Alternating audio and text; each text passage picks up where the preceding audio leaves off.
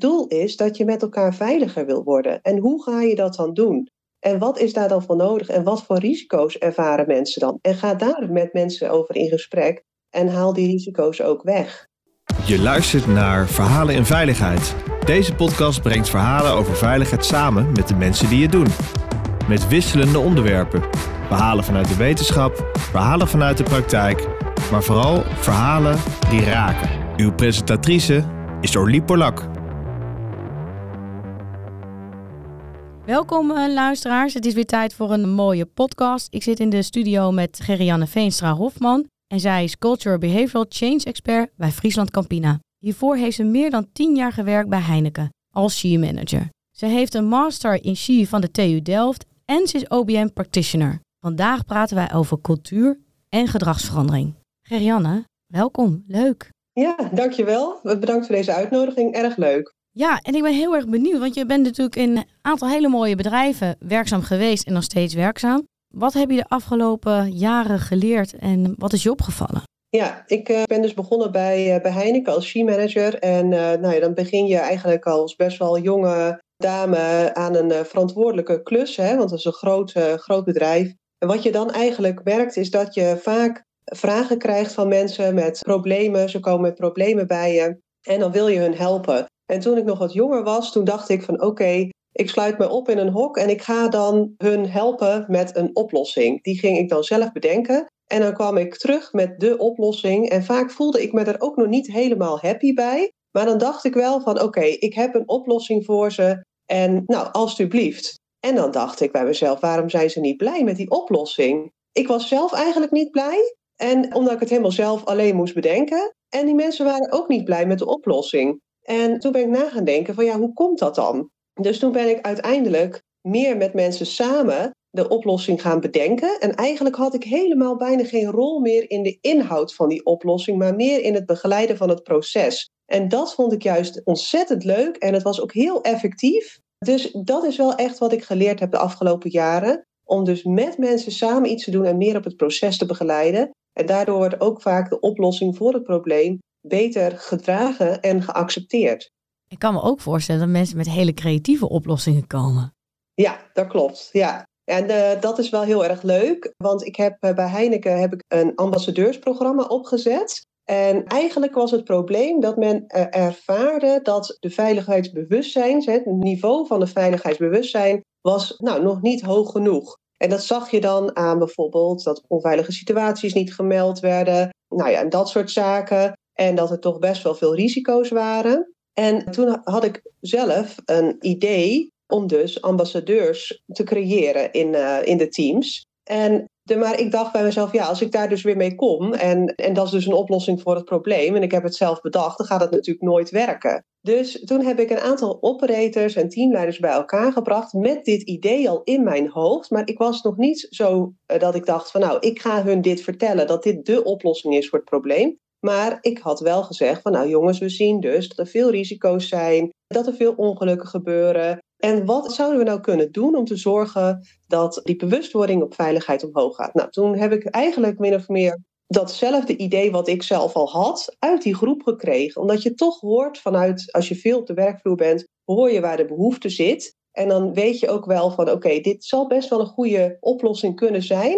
Maar ik ga het nog niet helemaal invullen. Dus toen hebben zij zelf bedacht van, nou, we willen eigenlijk wel wat meer doen zelf met veiligheid, wat meer verantwoordelijkheid krijgen, meer budget, zelf dingen op kunnen lossen en onze collega's bijvoorbeeld ook meenemen in veiligheid. En wat dat dan inhoudt, et cetera. Dus toen hebben we een heel programma opgezet. En dat was superleuk. Want eerst zeiden we van ja, wat gaan we dan doen? Hè? Want het was een beetje een blanco idee. En nou, toen uh, zeiden operators van, uh, ja, ik denk dat ik wel eens een keer een workshop wil geven aan mijn collega's over aanspreken. Nou, dat vond ik superleuk, dat idee. Dus heb ik hun daarbij geholpen, hebben dat opgezet samen. En zij hadden nog nooit gepresenteerd. Dus ze hadden eigenlijk, ja, zij waren gewoon operator, dus zij stonden gewoon aan de, aan de productielijn. En ja, presenteren naar je collega, dat was toch best wel eng. Dus daar heb ik ze ook bij geholpen. En uiteindelijk had ik 45 mensen die dus zich hadden aangemeld vrijwillig voor dat programma. Uiteindelijk is dat zo gegroeid. En toen ja, ging iedereen eigenlijk vanuit die 45 mensen ging naar hun eigen team presenteren over verschillende onderwerpen. Want bijvoorbeeld bij, het, bij de afdeling uh, brouwen of bij verpakken, daar zijn natuurlijk hele andere risico's en hele andere belevingswerelden en andere niveaus misschien ook wel. Dus die operators hadden dus zelf allemaal onderwerpen bedacht, ja, waar ze dus een presentatie over wilden geven. En uiteindelijk groeide dat dus echt uit tot een, ja, een heel programma wat echt gedragen werd en waar dus ook andere brouwerijen naar keken. Van nou, dat zouden wij ook wel willen. Dus hebben we dat ook naar andere brouwerijen uitgerold. Wat een mooi verhaal. Leuk. En zat er ook wel eens een idee bij dat je echt dacht: nee, dit gaan we echt niet doen. Dit is gewoon niet slim. Nou ja, ik, ze hadden ook bijvoorbeeld, nou dat was dan niet zo heel erg, maar wat ik wel had is, ze zeiden van wij willen graag wat meer over BHV gaan leren. En maar dat werd echt heel groot. Hè? Dus dat, dat werd echt eigenlijk een beetje, dat werd steeds groter en groter. En moesten we ook vanuit buiten dingen gaan organiseren. En dat al teams naar buiten moesten. En dat was op zich wel heel, een heel leuk idee. Maar het was ook niet meer uitvoerbaar. En je moet natuurlijk wel gewoon ook rekening houden met dat je een productiebedrijf bent. Hè? Dus dat je ook gewoon nou, niet op hol raakt als een paard dat je denkt van alles is mogelijk. Nee, je moet wel zorgen dat je ja, ook laat zien aan het management van nou, dit dient zijn doel. Hè? Dus dit is een programma dat dient zijn doel. Maar we moeten daar wel gewoon ook perken aan zetten. Dat je dus niet alles kunt doen. Dus dat is wel iets wat ik ook wel geleerd heb in dat traject. Van management geeft vaak echt wel goedkeuring voor dit soort excessen. Hè? Voor, dit zijn eigenlijk niet normale processen. Dit, zijn, dit kost tijd en geld, omdat je de productie soms stillegt, et cetera. Dus je moet ze heel goed meenemen in wat levert dit nou op. Hè? Dus voor hun is het bijvoorbeeld productiestop. En voor uh, de operator, ja, die voelt zich steeds meer content in zijn, in zijn rol. En die wordt blijer omdat hij gewoon dit soort dingen kan doen. Maar ook de operator zelf, de collega's worden ook steeds enthousiaster over dat programma.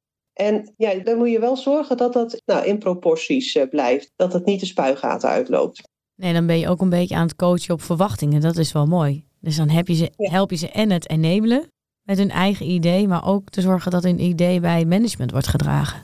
Dat, ja. is, dat is natuurlijk echt heel waardevol.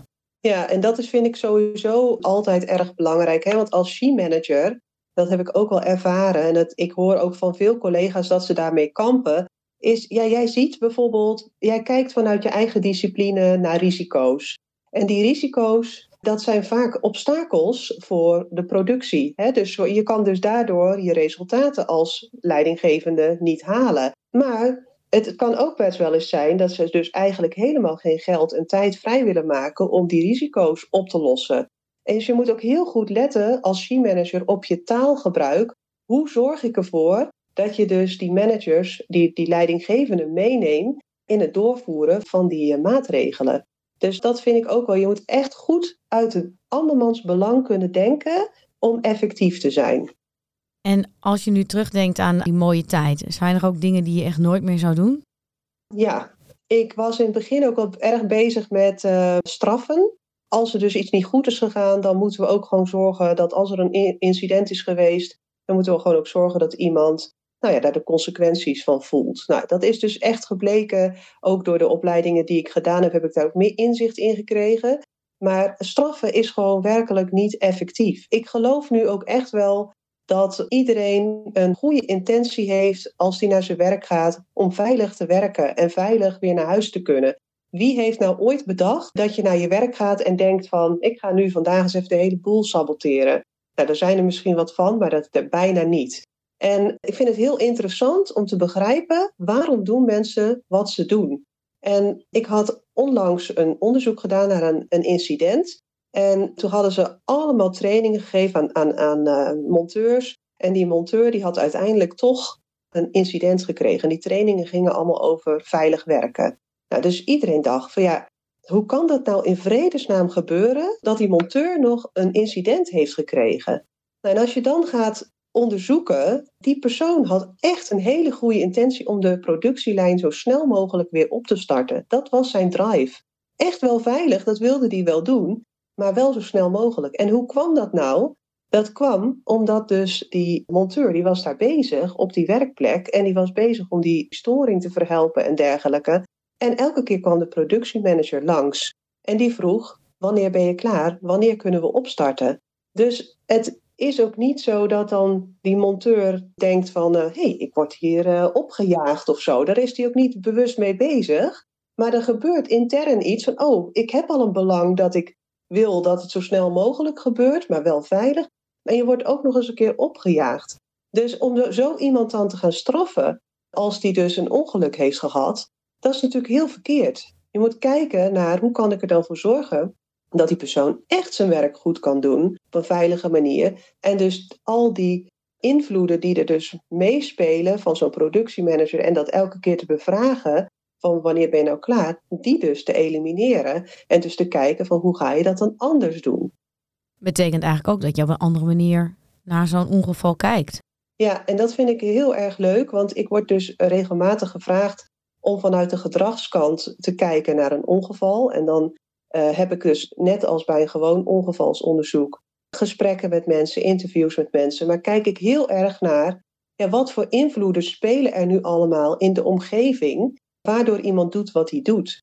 En pas was er ook iemand die sprong voor een uh, heftruck voorbij en dat was midden in de nacht. Ja, waarom doet iemand dat? Dat je weet echt wel dat dat gevaarlijk is, maar hij kwam klem te zitten en dus dat is heel interessant om dan te begrijpen waarom iemand daar toch dan nog langs springt. Wat voor consequenties, hè, dat noemen we dan consequenties, spelen een rol bij dat gedrag, waardoor hij dat gedrag vertoont. En zie je daar nou ook wel eens patroon in? Dat je denkt van, dit is wel een consequentie waar mensen het vaakst op bewegen? Ja, eigenlijk heeft dat te maken met werkdruk en haast. En dan is het ook echt niet zo dat ik denk van nou, de organisatie is alleen maar bezig met het duwen op resultaten. Want dat valt soms ook nog best wel mee, maar dat is ook iets wat groeit over de jaren heen. En dus uh, je kan dan echt als medewerker je heel verantwoordelijk voelen voor die productieresultaten. Je gaat jezelf een druk opleggen om dus die productieresultaten te halen of snel iets af te ronden. Kennelijk vinden we dat met elkaar dus goed hè, als je dus iets snel afrondt. Eigenlijk zou je daar dus de druk van af moeten halen en het veel meer moeten hebben over wat is nou goed? Hè? Dus wat is nu goed en waarom, waarom zouden we het heel snel doen? Is dat nodig? En daar zou je veel meer het gesprek over moeten hebben. Dus eigenlijk medewerkers vullen onbewust de wensen van de leidinggevende in, zonder dat ze die ooit echt zo expliciet gehoord hebben. Ja, en het is natuurlijk wel iets wat groeit. Hè. Ik zie wel dat er een verandering plaatsvindt. Hè. Dus vroeger was dat inderdaad veel belangrijker. Dat je heel veel praten over productieresultaten en dergelijke. En we hebben natuurlijk heel vaak te maken in productiebedrijven met mensen die soms al 30 jaar ergens werken. Dus dat zit dan ook gewoon in de genen van iemand inmiddels, dat ze zo werken. Maar dan komt er een ommezwaai en nu gaan we ineens allemaal letten op veilig werken enzovoorts. Ja, wat betekent dat nou echt concreet? Je kan wel roepen veiligheid eerst of safety first, maar wat houdt dat nou precies in? Wanneer betekent het nou dat jij bijvoorbeeld de lijn stil mag zetten? Hoe ga je dat dan doen? En wat voor consequentie heeft dat dan als je de lijn stilzet? Dan moet je misschien wel overwerken. Nou, dat wil je natuurlijk niet. Dus dan ga je denken van nou, dan zet ik hem toch maar door. Dus dat soort dingen moet je met elkaar echt bespreekbaar maken en vragen aan elkaar van waarom heb je dit bijvoorbeeld niet gedaan? Want ik had eigenlijk verwacht dat je nu de lijn stil zou zetten. Als iemand dan zegt, ja, maar dan moet ik straks overwerken, dan moet je als management een keuze maken van wat vind je dan belangrijker? Moeten die mensen dan ook echt over gaan werken? Want dat is natuurlijk ook niet altijd wat je wil. Want daardoor krijg je ook weer dat mensen moe worden. En als je moe bent, dan krijg je sneller incidenten, et cetera. Dus je moet soms keuzes maken als bedrijf die ook niet leuk zijn voor je eigen productieresultaten. En als je nu kijkt naar de dingen die je hebt geleerd, want je zei net, ik heb een heleboel uh, bijgeleerd. En uh, een daarvan is denk ik uh, OBM. Hè? En ja. ben je daardoor ook anders naar interventies gaan kijken? Ja, zeker. Ik heb het ook wel met mijn kinderen hoor, dat ik ook anders naar mijn kinderen kijk. Hoe kan ik mijn kinderen stimuleren om iets anders te doen? Ik vind het gewoon echt heel leuk dat als je dus mensen intrinsiek weet te raken en te motiveren, dan merk je dat ze een stap harder gaan doen. En eigenlijk zou ik zeggen tegen iedereen die leidinggevende is: ga op zoek naar die triggers waardoor mensen een stapje harder gaan doen en niet sneller gaan werken, maar meer veiliger werken. Dus als je gaat straffen, dan gaan mensen wegduiken. Dus als je straft, dan vertonen mensen alleen maar bepaald gedrag wat jij wil zien als jij in de buurt bent. Maar als je complimenteert en het juiste gedrag complimenteert, zul je zien dat mensen dan uiteindelijk dat gedrag meer gaan laten zien. En dat vind ik zo ontzettend krachtig aan OBM. Is dat is eigenlijk heel simpel. En wat, we ook, wat ik vaak hoor als ik trainingen geef aan managers of aan leidinggevenden, dan zeggen ze ja, maar complimenten geven, dat is eigenlijk niet Nederlands. Hè? Ja, ik vind dat onzin. Want complimenten geven, dat hoeft niet zo overdreven of apart te zijn. Ja, je geeft toch aan je kinderen ook een compliment als ze iets goeds gedaan hebben. Je bent dan toch ook niet de hele tijd bezig om te gaan straffen. Je bent toch juist heel trots op je kinderen. En zo kijk ik ook gewoon naar collega's. Je, je kan veel beter gewoon zeggen wat iemand goed heeft gedaan, dan de hele tijd maar te letten op wat er niet goed gaat. En dan merk je dat de werksfeer ook een stuk beter wordt. En het is misschien ook wel duidelijk, want je bevestigt gewoon elke keer wat je wel wil zien. En terwijl het soms wel eens heel lastig is, wat je net aan het begin van je interview ook zei, van joh, het is soms helemaal niet duidelijk wat safety first betekent. Maar als jij iets doet en iemand zegt, oh, maar dit vind ik heel fijn dat je dat doet, dan denk je, oh, maar dat vind ik wel duidelijk. Ja, en dat is inderdaad wat jij zegt. Je kan beter zeggen wat iemand wel goed doet. Ik heb namelijk zelf ook geleerd met mijn kinderen. Ik had mijn zoontje, die zat bijvoorbeeld wel eens alleen thuis. Hè, dan ging ik heel even weg. En dan dacht ik, oh nee, hij gaat daaraan zitten, hij gaat hier aan zitten, hij gaat zus doen, hij gaat de deur open doen en vergeet hij de sleutel. Nou, dat gebeurde echt. En toen dacht ik bij mezelf, ik ben zo aan het nadenken over wat hij allemaal niet mag doen als ik weg ben. Ik kan beter zeggen tegen hem wat hij wel mag doen en dan kan ik hem daar ook een compliment over geven daarna als ik terugkom. Het wordt voor mijzelf een stuk makkelijker en voor hem ook. Dus toen zei ik van nou, mama gaat heel even weg en jij blijft hier gewoon in de huiskamer. En je zit hier gewoon lekker op de stoel. Je gaat even je programma kijken en ik kom zo terug. En dat was veel makkelijker voor mij. Dus ik vind ook op de werkvloer is het ook veel makkelijker om te vertellen wat je van iemand verwacht, dan dat je gaat zeggen wat allemaal niet mag. Ja, daar kan ik mezelf persoonlijk al aan relateren hoor. Ik denk, dan moet je al die dingen gaan onthouden wat je allemaal niet mag. Dus zeg maar gewoon maar wat je wel wil dan, toch? Ja, ja, inderdaad. Ja. En dat vind ik ook grappig, wat, dat is ook wel heel belangrijk, vind ik, in het kader van gedrag. Is, wij hebben vaak ook binnen productiebedrijven uh, heel veel KPI's. He, dus KPI gestuurd. En dan denk ik van, de KPI is eigenlijk een middel om een doel te bereiken. Alleen, ik zou zeggen van probeer dat wat meer los te laten. Probeer met mensen te praten over het gezamenlijke doel. Het doel is niet om drie uh, onveilige situaties per shift te gaan melden. Het doel is dat je met elkaar veiliger wil worden. En hoe ga je dat dan doen? En wat is daar dan voor nodig? En wat voor risico's ervaren mensen dan? En ga daar met mensen over in gesprek en haal die risico's ook weg. En laat zien dat je dat dus ook met hun samen wil verbeteren. In plaats van dat je gaat duwen op KPI's. Want als je duwt op KPI's, krijg je uiteindelijk ja, onzinmeldingen, zeg ik eigenlijk altijd maar. En je wil met elkaar veiliger worden. Dus dat vind ik ook in het kader van gedrag. Van wat voor consequenties spelen dan een rol? Hè? Dus als jij vraagt van ik wil graag dat het hier veiliger wordt, nou, dan heb je al een, een gezamenlijk doel. Die operator of die medewerker wil ook graag dat het dan veiliger wordt.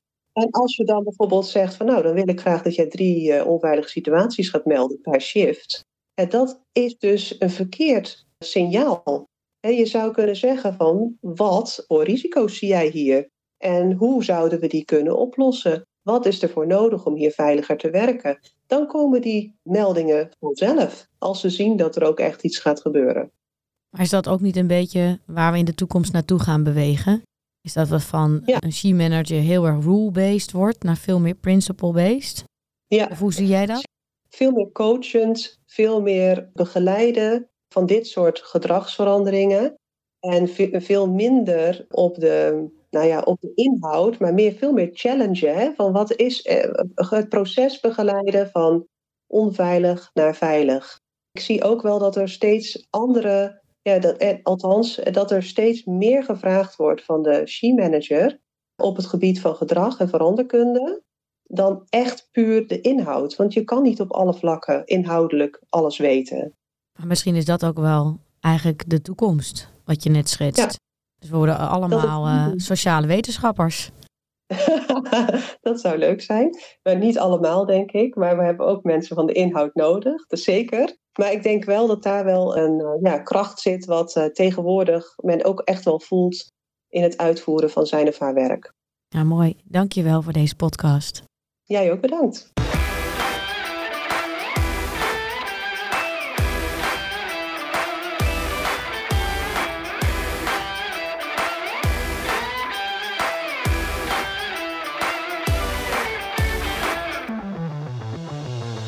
Je luisterde naar Verhalen in Veiligheid. Wil je niks missen van deze podcast? Abonneer je dan op deze podcast in je favoriete podcastplatform. En laat een review achter in Apple Podcast.